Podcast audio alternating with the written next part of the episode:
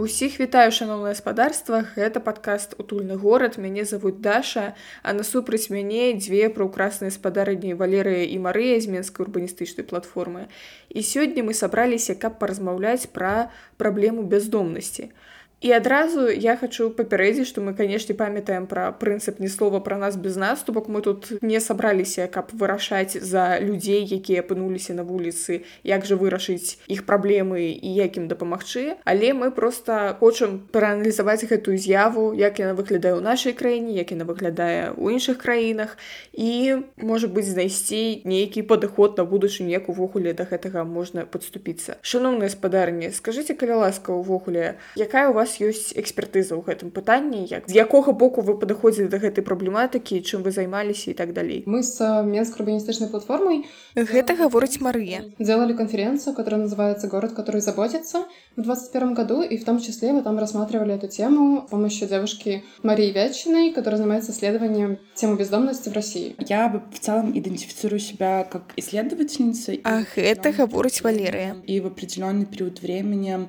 тема моих научных интересов была сконцентрирована как раз-таки на теме бездомности и проблем бездомных людей в городах. Но, к сожалению, у меня не так много экспертизы в аспекте белорусской бездомности и понимания проблематики бездомных людей в Беларуси. Но я исследовала бездомность в России. Я работала в организации, которая помогала бездомным людям возвращать их социальный капитал и помогала с ресоциализацией. И когда я изучала социологию города в Москве, я также писала финальную исследовательскую работу по проблеме бездомных и как эту проблему можно решать в современном контексте. Давайте мы с вами от початку думаемся про термины. В целом важно использовать принцип осознанного лингвистического подхода, характеризовать ситуацию, либо характеризовать какой-то признак, но не человека. И, наверное, здесь правильно говорить человек с опытом бездомности или человек, который оказался в ситуации бездомности, человек, который ночует на улице, человек, который имеет проблемы, живет в неплохом жилье. Ну вот э, термины, которые не характеризуют человека, но характеризует ситуацию, в которой он оказался. Я думаю, что в целом бездомные люди лучше, чем привычная для постсоветского контекста бомж, которое мы можем услышать в коммуникации даже с близкими людьми. Увогуле наконт слова бомж, вось я зараз просто прачуваю каментары наконт таго, што гэта ж просто абрэвіатура, гэта ж просто без определенного места жительства, чаго ж вам не падабаецца гэтае слово.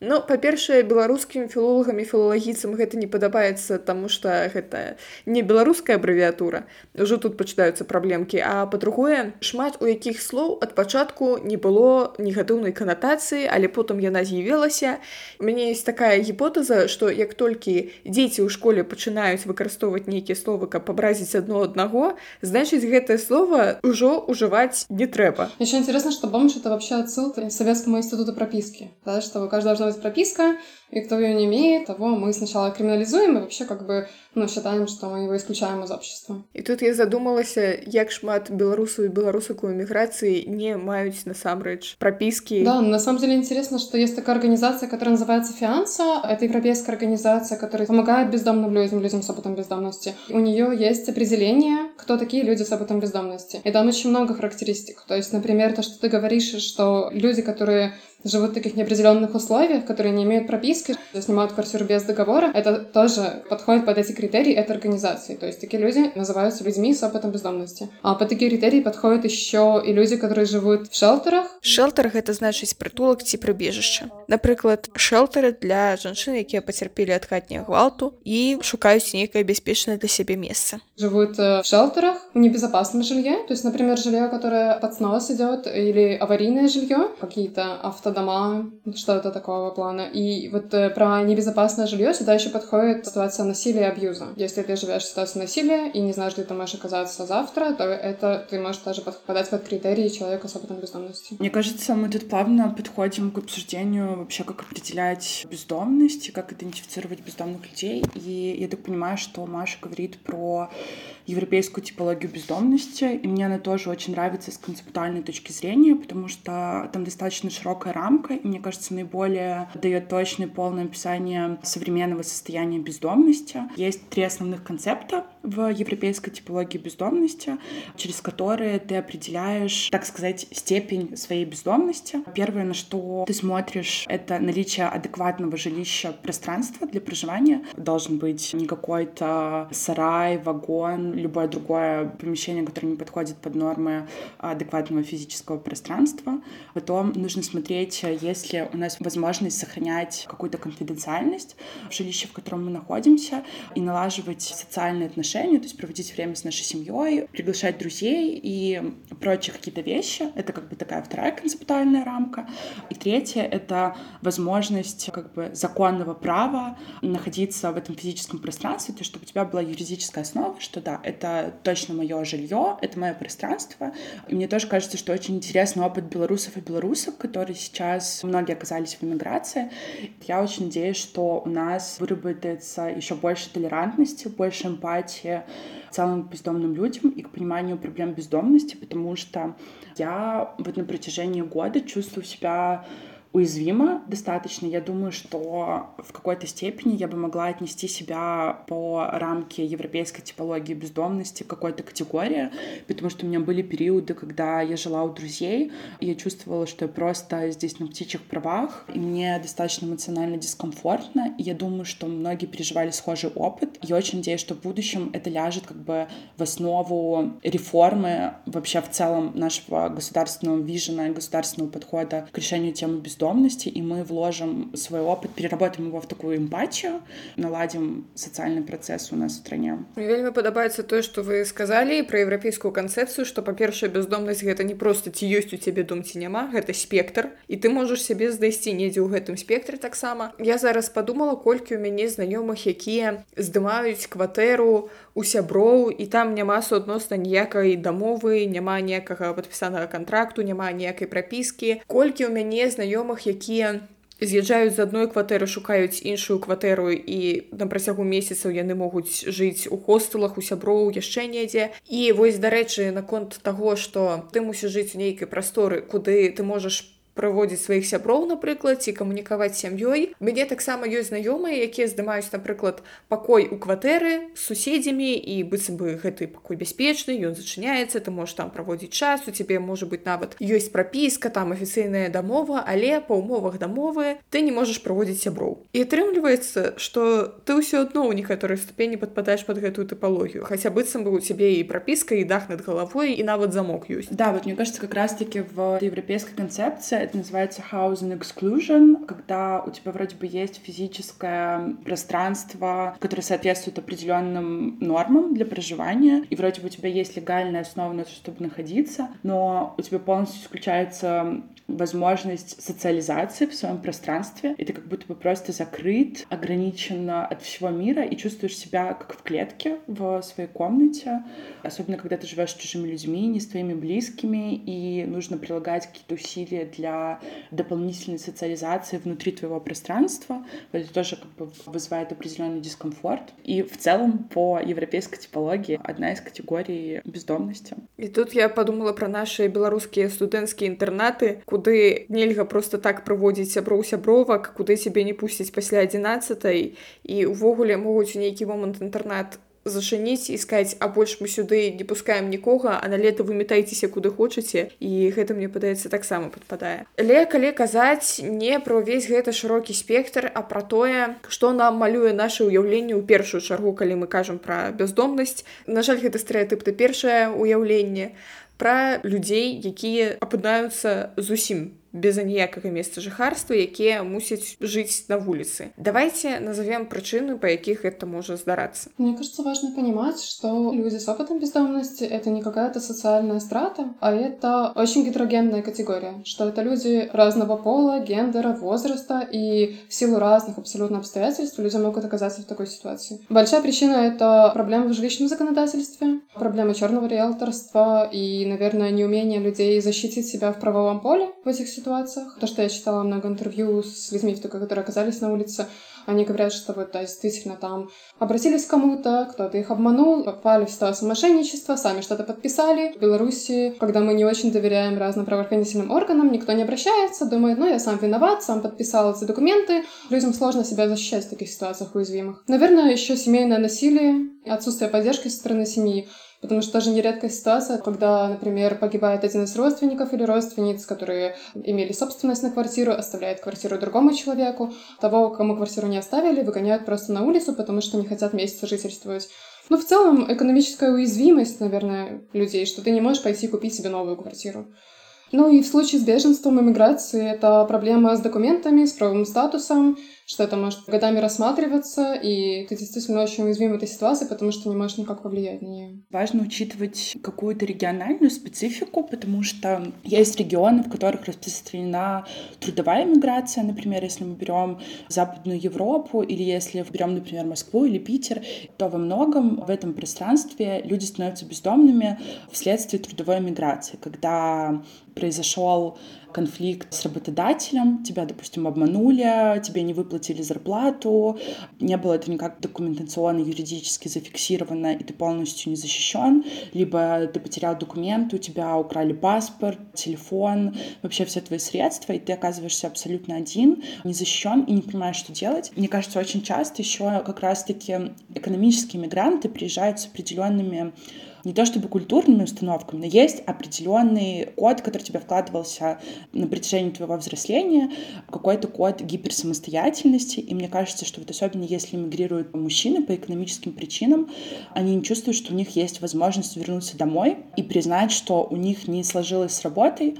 Вот когда я работала в организации в Москве, которая помогала с возвращением социального капитала бездомным, у нас было достаточно много случаев, когда экономические мигранты говорили мне, что они просто чувствуют стыд, испытывают огромное чувство вины, и поэтому они не могут вернуться домой. Для них легче находиться в состоянии бездомности, чем признать, что у них что-то не вышло. Мне падаецца, што тут яшчэ тыповыя праблемы мігранта як то не ведаю мовы не ведаю да каго звярнуцца ў паліцыю не ў паліцыю мяне там можа я ей звяртаўся да мяне прагналі посольства консульства дзе яно тут таксама выклікае нейкую разгубленасць у чалавека Я хацела яшчэ сказаць я ўвогуле запыталася ў сваіх сяброў просто каб гэта не сацыяльная пытанка зразумела але просто каб зразумець што людзі сабе ўяўляюць калі думаюць пра досвед бяздомнасці і калі я іх запыталася якая па вашым меркаванні самая распаўсюджаная прычына што людзі апынаюцца без месца жыхарства яны мне адказвалі алкагольная залежнасць значит чалавек прапіў дом і толькі далей калі ты кажаш но якія яшчэ прычыны то так успамінаюць пра чорных рэлтараў успамінаюць пра мігрантаў усё ж такі наколькі гэты стэеатып про тое что большасць ці значная частка людзей якія апынуліся на вуліцы зрабілі гэта праз алкагольную залежнасць распавядае рэчаіснасць в целом наверное просто всегда уязвимое состояние бедности тяжелой жизни мне кажется что часто связано с алкоголем это не причина того что человек попадает в такую ситуацию но как будто бы это попытка себе помочь или хотя бы сбежать из этого состояния сбежать из переживания этого состояния не знаю и в целом алкогольная зависимость это всегда всегда следствие какого-то процесса, и точно так же происходит у бездомных людей.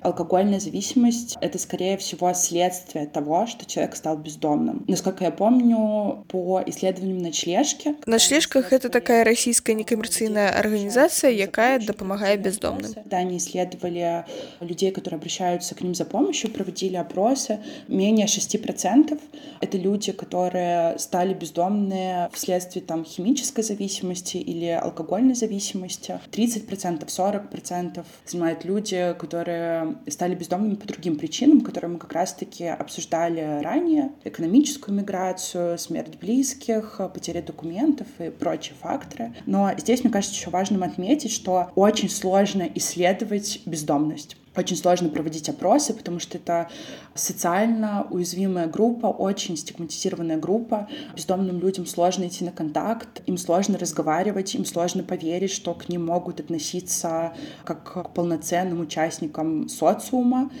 Я думаю, что даже специализированным организациям сложно проводить свои исследования. Если мы говорим про Беларусь, у нас в целом все очень плохо со статистикой. Вот я пересматривала перед записью подкаст отчет Белорусского Хельсинского комитета касательно проблемы бездомности в Беларуси. И на момент 2013 года, мне кажется, официальная статистика была что-то около 600 бездомных в Беларуси. Очевидно, что это просто немыслимые цифры, такого не может быть с таким большим количеством населения, как есть не может быть такая маленькая цифра бездомных людей. Когда мы говорим о причинах, почему люди становятся бездомными, очень важно понимать, что это сложная тема для исследования, это не так просто выявить. Поэтому делать такие выводы, что все там бездомные алкоголики, и они стали бездомными людьми в силу алкогольной зависимости, это неверно. Просто потому, что нам сложно исследовать эту тему. Говоришь, что мне интересно просто про статистику. Еще такой момент. Те, кто обращаются за помощью, не равны тем, кто находится в ситуации бездомности. И поэтому, мне кажется, еще очень сложно это все исследовать.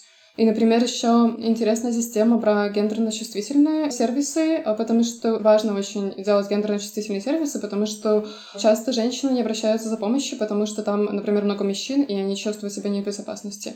И тогда, получается, мы видим, что за помощью обращаются больше мужчин, и делаем эти ночлежки или там места раздачи помощи больше для мужчин. Фактически это такая ловушка, в которой мы вообще не включаем женщин потом. Как будто бы это все очень сложно исследовать, потому что у людей есть разные причины еще, почему не получают эту помощь, а если они не получают помощь, то очень сложно внести их в статистику какую-то и вообще получать статистику. Праблема статыстыкі гэта заўсёды мне падаецца велізарная праблема чаго не датыкціся асабліва калі дзяржава не тое каб вельмі Накіраваная на тое каб збіраць гэтую статыстыку беларускаму ўраду даволі файна казаць пра тое што ў нас усяго 600 бездомных на 600 чалавек з досведам бездомнасці на ўсю краіну хаця падавалася да вы выйдзеце просто на грудненскі вакзал і палічыце што называется. Увогуле я хацела запытаць якія арганізацыі у беларусі займаюцца гэтай тэмай. Наколькі зразумела вось беларускі хельсінскі камітэт ёсць а якія яшчэ? Ну из того что я знаю что осталось и не ликвидировано это это «Луч маяка» в Минске. И, наверное, это единственная организация, которую я сейчас знаю, которая все еще функционирует и действительно помогает бездомным, потому что многие проекты пришлось закрыть. Например, уличная медицина, которая достаточно активно у нас развивалась. После 2020 года пришлось закрыть проект. Не знаю, есть ли сейчас организации, которые оказывают непосредственно медицинскую помощь людям с опытом бездомности в Беларуси. Был проект «Еда вместо бомб». Мне кажется, их преследовали просто на протяжении всей их деятельности еще и до 2020 года. Имена, мне кажется, занимались темой социально уязвимых групп, в том числе бездомных людей. Все эти организации сейчас не функционируют. Да, наверное, это все, которые частные организации. Я сейчас знаю, что была такая ночлежка, которую организовал э, а, мужчина после армии, в общем, подполковник, который даже функционировал в Минске. Что-то вроде 10 мест для людей с опытом бездомности, как будто им пользовались. Еще есть государственное место, которое называется Дом ночного пребывания. Ты можешь остаться там только на ночь. И как будто бы есть места около государственной, какие-то церкви, где можно получить бесплатную еду. Но я думаю, что это сильно не решает проблему. Потому что то, что Лера обозначила, что луч маяка, там тоже как будто печальная ситуация, что фактически один человек организовал это мероприятие, эту инициативу. И как будто бы только на нем все держатся, это все супер печально. Без таких инициатив ситуация будет ухудшаться. Это в целом большая проблема Беларуси в том, что у нас нет возможности давать свободы и субъектности акторам и акторкам, которые могли бы решать эту проблему, помогать людям с опытом бездомности. Потому что, например, если мы посмотрим на опыт западных стран, мне в этом плане очень нравится американский подход к разрешению проблемы бездомности. Может быть, это сейчас прозвучит очень странно, потому что Америка не раз разу не социальное государство, и там очень такое индивидуализированное общество, капиталистическое. Но когда я исследовала тему бездомности пару лет назад, я обнаружила для себя очень интересный подход в Америке. У них есть Business Improvements Districts. Это такие штучки, которые организовывают частные акторы и акторки, какие-то стейкхолдеры, которые влияют на экономические процессы в городе, чтобы пространство для развития бизнеса было лучше и качественнее. Они в том числе решают социальные проблемы. И есть вот такой бизнес improvement district в Лос-Анджелесе, и Лос-Анджелес — это же вообще самая огромная, мне кажется, точка концентрации бездомных людей в Америке. Там это была очень большая проблема, было невозможно организовать какие-либо торговые точки и обеспечить хорошее физическое пространство для открытия магазинов, для того, чтобы покупатели чувствовали себя безопасно и комфортно в этом пространстве. И в итоге Business Improvement District организовали целую систему по помощи бездомным, чтобы в целом пространство стало комфортнее и для людей с опытом бездомности, и для обычных горожан и горожанок. Они выкупили помещение для того, чтобы сделать склад для тележек бездомных людей. Вообще тележки — это такой, мне кажется, самый значимый экономический капитал для бездомных людей, потому что там хранятся все твои вещи, это облегчает тебе передвижение, и вот какие-то такие большие сумки на колесах, либо тележки — это прямо очень важная вещь в повседневной жизни человека с опытом бездомности. Вот. И они выкупили целый склад, чтобы люди могли оставлять там свои тележки, передвигаться без них по физическому пространству вот этого дистрикта в Лос-Анджелесе. Также они организовали систему жетонов, чтобы, если кто-то хочет помочь бездомным людям, давали не деньги, которые могут быть потрачены на алкоголь или наркотики, а давали жетоны, за которые они могут купить еду, либо прийти в кафе или ресторан на территории вот этого дистрикта. И мне очень сложно представить, что такое возможно в Беларуси, потому что есть очень большое давление на бизнес. Ты не рискуешь делать что-то, что может улучшить социальное пространство, потому что если это у тебя получится, никто тебе не скажет спасибо, никто этого даже, скорее всего, не заметит. Но если у тебя не получится, улучшить что-то своими действиями. Наоборот, будет применено очень много санкций в отношении тебя, и твой бизнес могут закрыть. Чтобы разрешить проблему бездомности, нужно дать свободу городским акторам и акторкам, которых в Беларуси сейчас нет. И поэтому с решением проблемы бездомности все очень плохо. Я вот переживаю, что будет плохо еще долгие годы. Вообще никак не будет разрешаться эта праблема я сабе уяўляю сітуацыю калі нават з'явіліся гэтыя сацыяльныя актаркі якія прыдумалі сістэму жэтонаў і нават некаторыя кавярні рэстараны пагадзіліся ўжываць гэтую сістэму жетонаў но по вялікім рахунку якая табе розніца ад каго табе грошы праходзяць ад людзей якія уласна кажучы праходзіць і плаціць сваімі грашыма ці ад гэтай сацыяльнай арганізацыі. Але я сабе ўяўляю просто беларускіх міліцыянтаў якія праходзяць такія так што гэта у вас тут? Чарга за едой? Ну-ка мы ўсё паразганяем і ўсіх пасадзім з большасці так себе паводзіць беларуская дзяржава зараз. Я вот еще хотела тут отметить что ночлежные дома которые организовывают беларускае государство государства есть даже не во всех беларускіх гарадах дарэчы у гродні ёсць такі дом часовага знаходжання на вуліцы карскага і людзі без вызначанага месца пражывання могуць там знаходзіцца з 18 гадзіны увечары до 8 гадзіны ў раніцы але калі раптам моцныя маразы на вуліцы то тады до 9 або до 10 раніцы мне кажется что этим фактом должно быть многое сказано и если еще говорить про религиозных акторов и акторов церкви которые организовывают какую-то социальную помощь даже их их сторону применяются санкции, есть много ограничений, потому что прошлым летом так вышло, что я много путешествовала по Беларуси, и было очень много таких у меня полевых исследований и разговоров с местными жителями и жительницами. И вот я разговаривала с женщиной из костела. Она рассказывала, что у них был очень большой проект по помощи бездомным. Они собирались выкупить здание, чтобы организовать там не только ночлежку, но и место, где может происходить ресоциализация людей с опытом бездомности. Они хотели обучать их новым профессиям, помогать им возвращаться в белорусский социум, заново интегрироваться.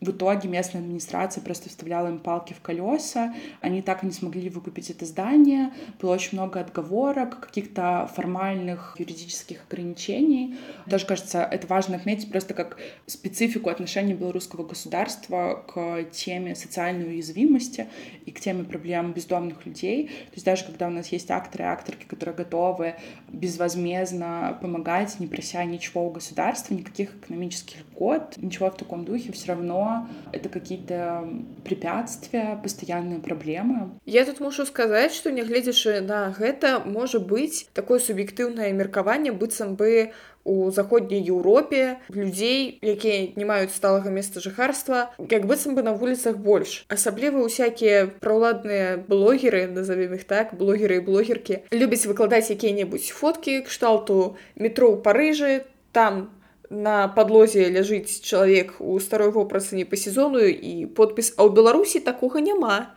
суб'ектыўна можа падацца што просто да вуліцы ты як быццам бы такіх людзей сустракаеш больш чым у беларусі як вы думаеце за кошт чаго можа скласціся такое ўражанне можно поговорить про историю того как это все становилось в беларуси потому что в советском союзе это было все стигматизировано и криминализовано ты не мог быть человеком с опытом бездомности в Советском Союзе, и ты не мог попадаться на глаза, потому что тогда бы тебя сразу отправили бы в участок. В общем, была криминализация, и считала, что это паразитический образ жизни, и были даже акции преследования таких людей в 60-х, 70-х годах. И фактически декриминализация произошла только в 90-91-м, и может быть, что просто, ну, так долго мы жили как бы с этой стигматизацией в обществе, такого явления. И, может быть, для властей тоже очень выгодно занижать эти цифры, чтобы вот мы хорошее государство, у нас такого нет, посмотрите. Таких людей очень много, просто мы не можем их видеть в городе. И мне кажется, что это как раз-таки последствия того, что у нас не произошло полноценной десоветизации. Если обращаться прямо к современности, к современности, действительно, ты не увидишь так много людей с опытом бездомности в городском пространстве. Это как раз-таки связано с тем, что их насильственно вывозят из городского пространства. Это то, что было перед чемпионатом. Это тоже то, что зафиксировано в отчете Белорусского Хельсинского комитета, что перед 2013 2015 годом проводились целые зачистки в городском пространстве, и людей просто насильственно вывозили за пределы города, исключали их из городской среды. По-моему, то же самое происходило перед чемпионатом в 2019 году. В силу этого как бы бездомные люди в Беларуси живут в каких-то шалашах в лесной местности, в околосельской местности, в ветхом заброшенном деревенском жилье. И в городском пространстве мы их практически не встретим в силу таких вот насильственных зачисток, мне кажется, что это в целом то, что любит делать белорусское государство в отношении белорусских городов. Прекрасная мобилизация, как покрасить дорожки перед приездом какого-нибудь чиновника, покосить траву под снегом, чтобы это выглядело аккуратнее, покрасить стены в дождь, положить новый асфальт. И точно такое же отношение к людям, когда нам нужно вывести кого-то за пределы города, просто чтобы выглядело чище, аккуратнее, безопаснее и лучше. Ты зараз гэта рассказала, и я у нейкім таким шоку боку тому что ведаеце іх нават звозілі не тое каб у нейкі ізалятар часовага ўтрымання а просто як бы вывезлі ў чыстае поле ідзіце куды хочаце. Гэта не тое что антыгуманна это просто нават з пункту гледжання функцыянавання дзяржавы нелагічны тому что звычайна ў дзяржаве ведаеце як ёсць інструкцыя таких-то людзей мы звозім у такую-то арганізацыю гэтая арганізацыя робіць вось такія значыць крок по кроку з імі дзеянні а тут мы просто іх усіх сабралі выкінулі ў поле. Як вы ўжо мусілі зразумець я была ў шоку ад такой практыкі але яна даволі распаўсюджаная. І гродная яна таксама закранула. У 2017 годзе белсад паведамляў пра ивана петровича які на той момант ужо 10 год жыў на вуліцы. І аднойчы ўзімку яго вывезлі за гарад і выкінулі недалёка ад вёскі парэча. І ён чалавек пенсійнага ўзроста у яго канешне ёсць праблемы са здароўем нейкім цудам дабраўся да горада і застаўся жывым. Праз паўгады сітуацыя паўтарылася. Яго і жанчыну, якая таксама жыве на вуліцы Тамару Вячеслаўну, вывезлі загарад падчас навальніцы. Прычым па словах Тамары Вячеслаўны ад пачатку ім казалі, што адвязуць у аддзяленне міліцыі на Тэльмана, але насамрэч адвезлі ў лес. Зноў же судом и Иван Петрович и Тамара Вячеславовна дали рады добраться до города. Может быть, я, конечно, немного утрировала, и, конечно, какую-то часть отвозили в изоляторы временного содержания. Это не отменяет того факта, что значительная часть людей все еще вывозили за пределы города. То есть для меня это какое-то немыслимое исключение. То есть мы вот на платформе очень много говорим, да, про ценности горожан и горожан в городском пространстве, что для нас важны люди, важен комфорт людей в городском пространстве, но это просто как будто бы нарушает все все правила комфортного города, вообще все какие-то эмпатичные человеческие ценности в урбанистике, ну вообще в целом в жизни. И тут я подумала насамрэч про тое колькі ў Беларусі реально опустелых закінутых вёсак і тэарэтычна конечно я могу сабе ўявіць сітуацыю что людзі якім няма куды больш ісці могуць як у мульціку про простаквашана знайсці дом. Я вам один дом покажу там никто не живет але паколькі гэта закінутая вёска там там няма чаго есці ідзе Ну як бы я просто сабе пытаюся уявіць вось быт такога чалавека які ўвогуле жыве ў шалашы ў лесе спусцелай вёсцы якая там далёка ад трасы што яму ці ёй застаецца рабіць шукаць грыбы ў лесе паляваць на зайцаў Ну я сабе просто не уяўляю як бы як чалавеку выжыць в такой ситуации в общем-то этот момент возвращает нас к определению бездомности потому что мы вот очень много говорили про утрату жилья и про качество твоего жилищного положения, но очень важно в определении бездомности это еще утрата социального капитала и то, как постепенно ты утрачиваешь свой социальный капитал. И вот как раз-таки, когда мы людей вывозим в какую-то сельскую местность, полузапустевшую, мне кажется, этот нарратив очень любит использовать советское поколение белорусских людей. Мне кажется, у нас были долгие разговоры даже с моими родителями, которые вроде бы люди с современными ценностями, такие более толерантные. Даже они могли мне говорить что-то в духе, когда я только пришла работать в организацию, которая работает с проблемами бездомных людей. Они говорили, ну что, неужели нельзя всех этих бездомных взять, вывести в деревню, пусть там работают на полях, живут в домах и заново обживают это пространство. Это большая проблема того, что у бездомных людей уже нет социального капитала, они закрыты в своей маргинализированной, исключенной группы бездомных людей, общаются только между собой. И очень важно вернуть им веру в себя, в то, что они часть общества, дать им чувство внимания, чувство заботы, дать им понять, что они ценны для общества. И когда мы возим людей в деревню, это обратный процесс. Мы опять им пытаемся доказать, что они не являются частью городского сообщества, городского пространства, что они не имеют права здесь находиться, и поэтому нам их надо исключить и вывести в сельскую местность. Еще такой контраргумент, когда мы слышим, что, ну вот, проблему бездомности можно решить просто тем, что мы построим много нового жилья, заселим туда людей, и вот как-то проблема бездомности саморешится. Это так не работает. Нужно очень много психологической и социальной работы, чтобы вернуть людей в то состояние, когда они действительно могут активно включаться в социальные процессы. Ну, это та история про то, как железной рукой кагосьці заганяць у шчасце, тому что мы зараз як пабудуем, як усіх заселім, ці мы кагосьці возьмем і вывезем, то бок здоўж жа гэта не про то, что ты ставішся да чалавека як да чалавека, яму штосьці прапануеш прапануеш сваю дапамогу а ты значыць да яго ставіся як не ведаю да жывёлін якіх мы сабралі штосьці з імі зрабілі і вось да гэтага этычнага моманту у мяне ёсць яшчэ пытанне некаторыя людзі кажуць что часто людзям з досведам бездомнасці падабаецца гэты досвед ім просто падабаецца жыць на вуліцы весці такі лад жыцця не чапайце людзей так вам можа быць непрыемна з імі знаходзіцца побач или гэта ваши праблемы у людзей вось такое жыццё дайце ім права рабіць са сваім жыццём тое что яны хочуць як вам такое меркаванне я очень согласна с верой что это очень большой комплексный психологический социальный вопрос мне кажется что просто люди должны должны понимать, куда обратиться за помощью. Конечно, мы не можем насильно подходить и вести куда-то людей, заставлять их жить, устраивать их на работу, там, насильно им делать документы. Конечно, нет просто рассказывать, что есть такие-то места, где вам могут помочь. Потому что из того, что даже я читала в исследовании, которые имена делали в Беларуси, ну, меня удивило, что разные люди видят разные проблемы более приоритетными, чем другие. Например, кто-то говорит, что очень сложно добыть еду, а кто-то говорит, что очень легко добыть еду, но очень сложно добыть кровь. Настолько вообще полярные как бы мнения у людей. О чем это говорит? Что люди не знают, куда обратиться за помощью. И как будто бы нужно просто рассказывать, что если вам нужна помощь, обращайтесь сюда, если нужно жилье, обращайтесь сюда. Здесь я могу могу вам помочь, расскажите, чем я могу еще вам помочь. Но в Вильнюсе не такая ситуация, как в Минске, где вообще было сложно столкнуться с людьми с опытом бездомности.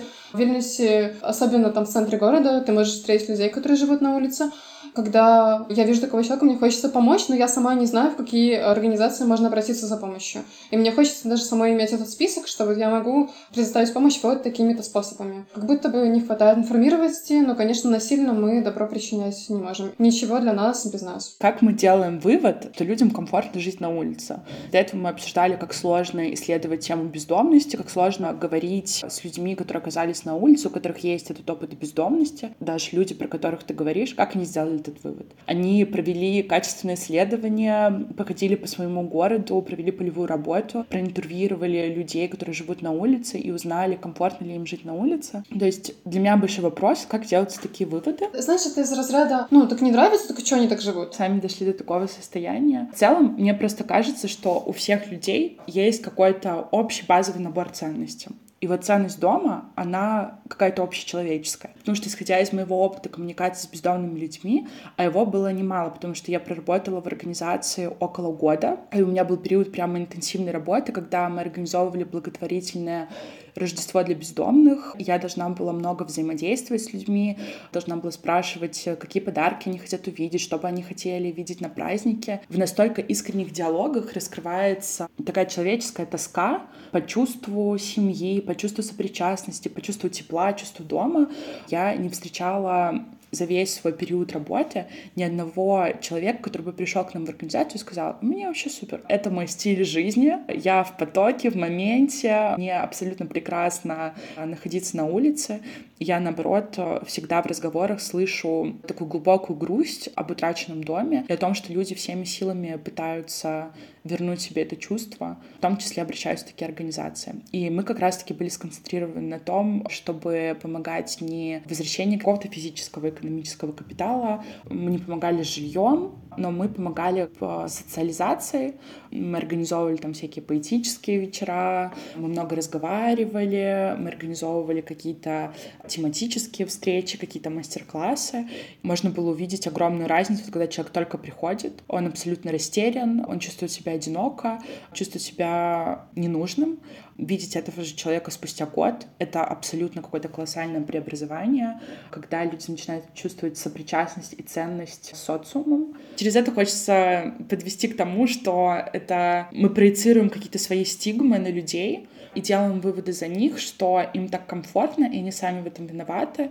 Но если мы подойдем более эмпатично к этому вопросу и более глубоко поисследуем тему, поймем, что у нас есть много общего, у нас есть эта общая ценность дома, і она актуальна для всех людзей наконт стыгматызацыі я мушу сказаць что я яшчэ чула такое меркаванне напрыклад не атрымаецца зрабіць ніякіх нармальных дачлежак у беларусі ці не атрымаецца зрабіць дачлежак недзе ў жылым доме тому что ўсе жыхары жыхаркі будуць супраць ну і потом штосьці з гэтага лагічна выводзіцца про тое что у нас там дрэннае неталерантнае грамадства якое не можа трываць людзей якія адрозныя цябе побач з табой як вы думаеце ці ёсць сапраўды нейкія спецыфі спецыфічныя для беларусі праблемы што некаторыя спосабы вырашэння гэтай праблемы якія працуюць у іншых краінах у беларусі могуць просто не спрацаваць ну, я бы может сказала про эту стигматизацию которая очень сильно у людей еще есть про то что что эти люди не должны быть включены в общество и возможно вот эта работа с тем чтобы рассказывать людям, ну, и прививать это больше эмпатию к людям, которые оказались в такой ситуации, и про то, что действительно, что как будто бы, ну, все мы можем там быть, не покидает это чувство, что в целом, ну, то есть удерживаться на том уровне, на котором ты сейчас, это очень сложно. Я могу представить ситуацию, что, например, я могла бы оказаться на улице, и тогда, конечно, ну, я представляю какая-то гамма очень сложных чувств и переживаний, и стыд, и страх, и всего. И мне кажется, что, конечно, очень сложно вот вернуться к тому уровню жизни, который есть. И вот про эту социализацию, про чувство нужности, мне кажется, это супер важно. Я вспомнила, что вот в Вильнюсе есть такие инициативы не для людей, которые попали в ситуацию бездомности, но, например, для людей, которые вышли из тюрьмы. Есть, в общем, кафе, которое предоставляет им рабочие места, так, чтобы они могли попасть в этот социум, в это комьюнити, почувствовать себя нужными и дальше работать. И мне кажется, что вот, возможно, для людей, которые были в ситуации бездомности, вот, но обратились за помощью, можно было бы делать тоже такие, ну, возможности потенциальные, где люди могли бы себя применить. Какие-то специфические проблемы для Беларуси, кроме государственных проблем, наверное, вот только что работа с тем, чтобы сделать эту проблему более видимой, менее стигматизированной, больше прививать эмпатию ко всем людям. Наконт эмпатыі мне падаецца, што можа быць гэта досвед міграцыі сапраўды шмат на каго добра паўплывае, Таму што вось гэтая гісторыя пра тое, што мяне звольніць і куды я пасля гэтага пайду і як я буду жыць. Яна ў Беларусі як быццам бы таксама прысутнічае такім лейтматывам трывожнасць таконт грошай і так далей але ты на падсвядомасці разумееш куды ты пойдзеш ну да бацькоў ты пойдзеш ну паедзеш у свой родны давыд гарадок нічога з табой не здарыцца А калі ты заходзішся ў эміграцыі без магчымасці вярнуцца дамоў да бацькоў ты нашмат большым паты адчуваеш да людзей якія апынуліся на вуліцы тому что як быццам бы ну вы зараз скончацца ўсе мае контракты і чым я буду плаціць за кватэру і не будзе чым плаціць за кватэру і не будзе дзе жыць сапраўды таму мне падаецца можа быть гэты міграцыйны досвед нешта скалыхне ў нашым грамадстве да Даша, я абсолютно согласна, потому что у меня такая дикая тревожность возрастает каждый раз в конце месяца, когда нужно платить за квартиру, и для меня это каждый раз квест. Найду ли я эти деньги, чтобы отправить их лендлорду, или меня выселят? Очень много переживаний.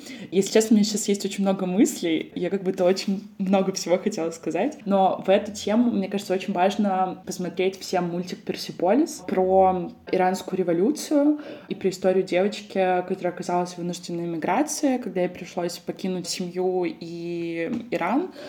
И вот, собственно, она оказалась на улице после того, как у нее произошел конфликт с лендлордом. Я думаю, что это то, что может стимулировать еще больше нашей эмпатии, да.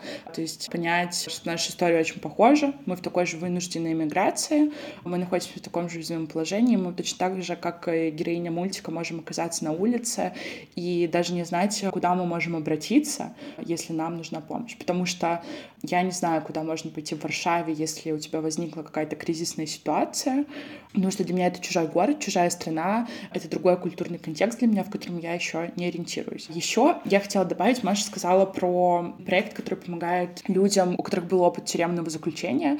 Это, кстати, одна из основных причин, почему люди становятся бездомными в Беларуси. Это как раз-таки опыт тюремного заключения. Я думаю, что к сожалению, это может быть актуально для Беларуси в будущем.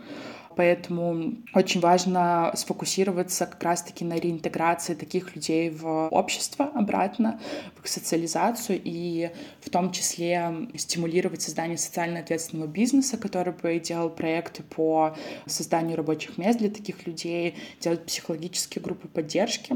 Если возвращаться к вопросу, мешает ли что-то белорусскому обществу работать с проблемой бездомности, я всегда хочу верить в людей, и особенно я всегда хочу верить в белорусов, белорусок, в то, что мы эмпатичны, открыты для людей из разных групп, и что мы можем понимать разность опыта друг друга. Поэтому я хочу верить, что у нас все получится, и нет каких-то особых ограничений для того, чтобы реализовывать разные подходы в разрешении проблем бездомности.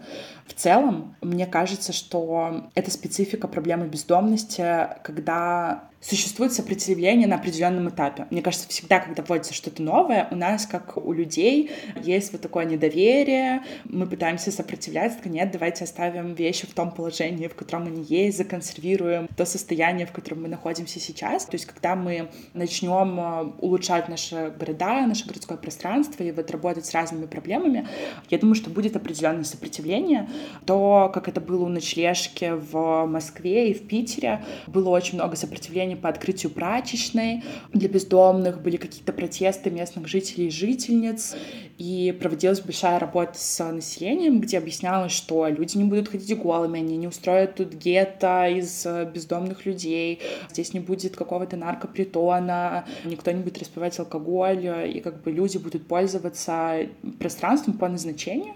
Вот, я думаю, что мы можем столкнуться с чем-то похожим, но, как уже говорила Маша, если работать с людьми, если проводить какую-то просветительскую образовательную работу, то мы придем к очень высокому уровню эмпатии и понимания. Я думаю, что у нас так сложилось с отношением к смертной казни, в целом к отношению пенетрационной системы в Беларуси, потому что мы разговаривали с правозащитниками, правозащитницей из весны как-то, они рассказывали, что до определенного времени, до того, как они начали проводить образовательные проекты касательно отношения к смертной казни и к пожизненному заключению, например, было много нарративов у участников и участниц, что да, там все заслуженно, так и нужно. И вот проходит как бы этот образовательный процесс, и люди начинают задаваться вопросом, действительно ли это справедливо, действительно ли мы можем решать, у кого мы можем забирать жизнь, у кого мы не можем забирать жизнь, кого мы можем отправить на всю жизнь в тюрьму, а кого нет. Я думаю, что Точно так же через э, гражданское просвещение будет работать система бездомности.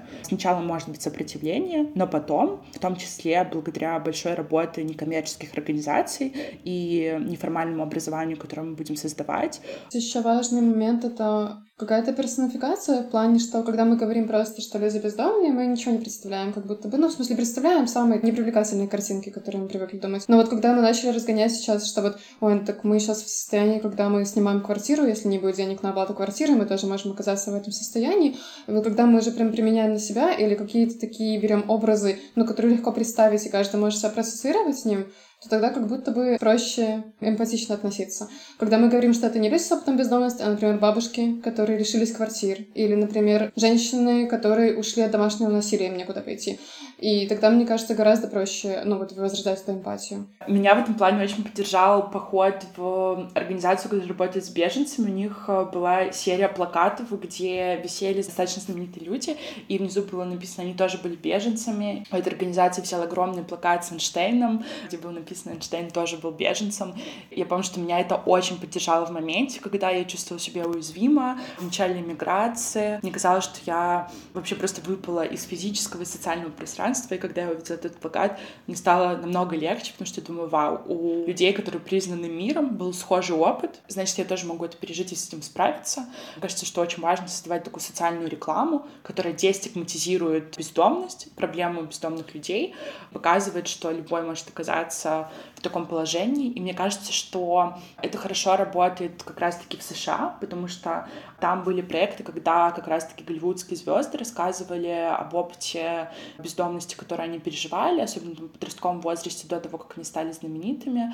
И мне кажется, что это, во-первых, поддерживает самих бездомных людей, помогает им психологически лучше справиться с этим, и, во-вторых, да, снимает стигму в обществе. Я хотела яшчэ напрыканцы запытацца, якія, на ваш погляд, ёсць праекты, якія спрацавалі ў іншых краінах, якія дапамагаюць людзям з досведам бездомнасці. Некаторыя з іх мы ўжо ўзгадалі, можа быць, ёсць яшчэ нейкія класныя праекты, якія файна было реализовать у Беларуси. Я могу рассказать про забавный зоологический проект. Это не совсем как пример для подражания, конечно, и не то, что мы должны реализовывать, но как интересный факт. В общем, в Советском Союзе разрабатывались проекты жилища для бездомных людей, только не для Советского Союза, конечно же, там нет бездомных, понятно, для Европейского Союза.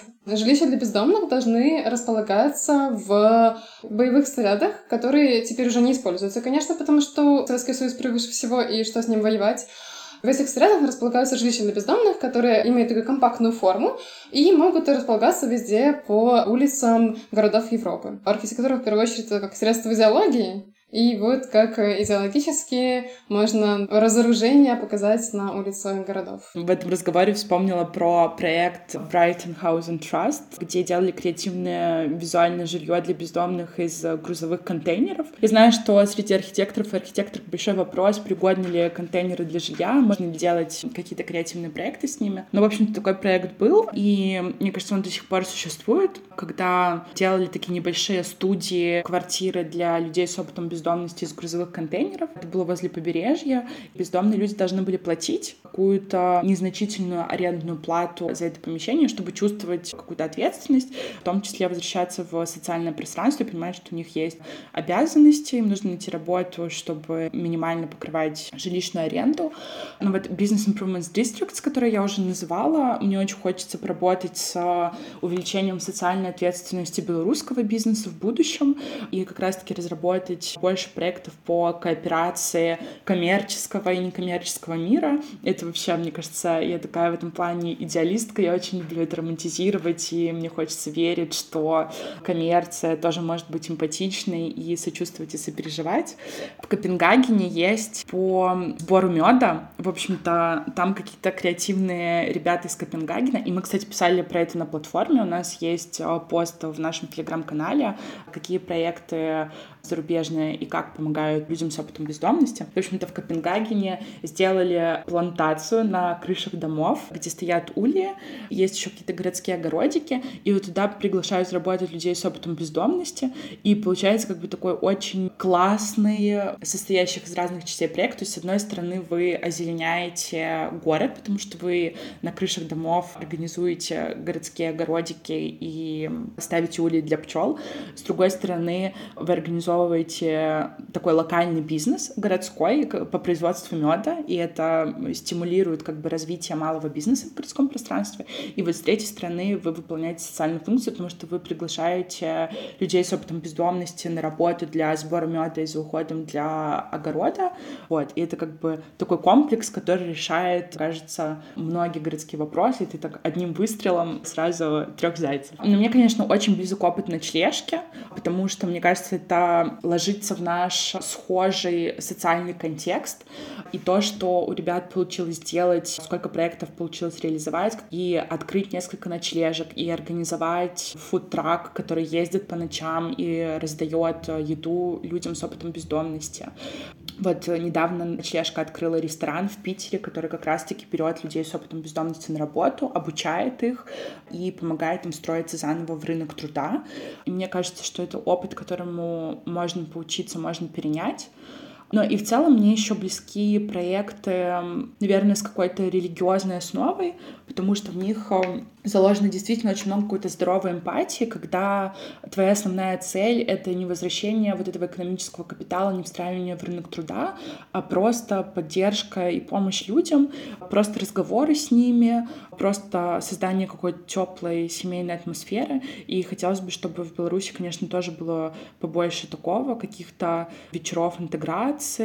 Вспомнила еще проект социального жилья. Это не совсем жилье для людей, которые оказались в ситуации бездомности, но для людей, у которых не хватает денег на постройку своего дома. Был такой проект социальное жилье, который назывался Half of a Good Home, Half of a Good House, архитектора Алехандра Равена.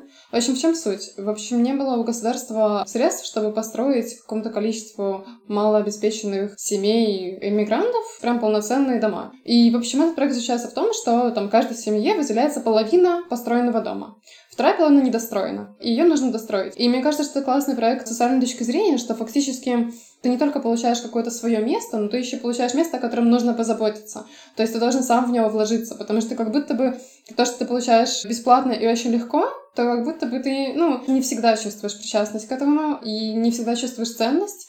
А когда ты сам вложился в постройку чего-то, то как будто бы ты прям чувствуешь, что это мое, я постарался. И это как классный стимул еще ну, там пойти заработать денег для того, чтобы достроить дом. Вот. Но это, еще раз повторюсь, не совсем для людей, которые были в ситуации бездомности. Это для иммигрантов, которые были малообеспечены, не могли позволить себе покупку какой-то недвижимости Но как социальный проект, мне кажется, он хорошо э, сработал. Вось на гэтай ноце мне падаецца і варта скончыць наш падкаст і тут было вельмі шмат карыстых парад якія нам на будучыню вельмі прыдадуцца наконт таго што ж усё ж такі мы можемм зрабіць нашымі ўласнымі сродкамі што мы можемм зрабіць у рамках некамерцыйных арганізацый што мы можемм зрабіць дзяржаўным узроўню І я папрашу нашых шаноўных слухачоў слухачак паставіць лайки зорачкі усе астатнія прыемныя адзнакі падпісацца на гэты падкаст і ў апісанні будзе спасылка на сайт менскай урбаністычнай платформы і будзе спасылка на пост пра праблему бездомнасці і гэта ўсё трэба абавязкова пачытаць і хутка мы з вами пачуемся